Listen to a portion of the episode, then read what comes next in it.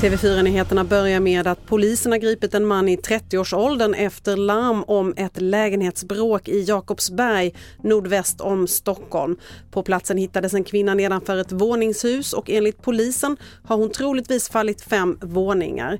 Kvinnan vårdas för livshotande skador och händelsen rubriceras som mordförsök. Misstankar då har riktats mot mannen för att eh, ja, bokstavligen har kastat ut kvinnan från balkongen. Vi har ett antal personer som har fått följa med polisen in på polisstation för fördjupade förhör.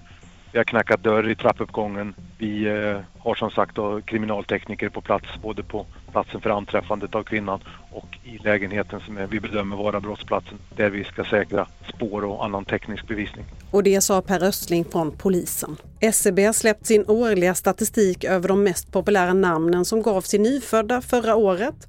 William och Astrid är de mest populära tilltalsnamnen 2022. Imorgon väntas den gröna komet som passerar jorden för första gången på 50 000 år att synas extra bra. Och NASA hoppas att observationer av den gröna kometen ska ge nya ledtrådar om vårt solsystem. Fler nyheter hittar du på tv4.se.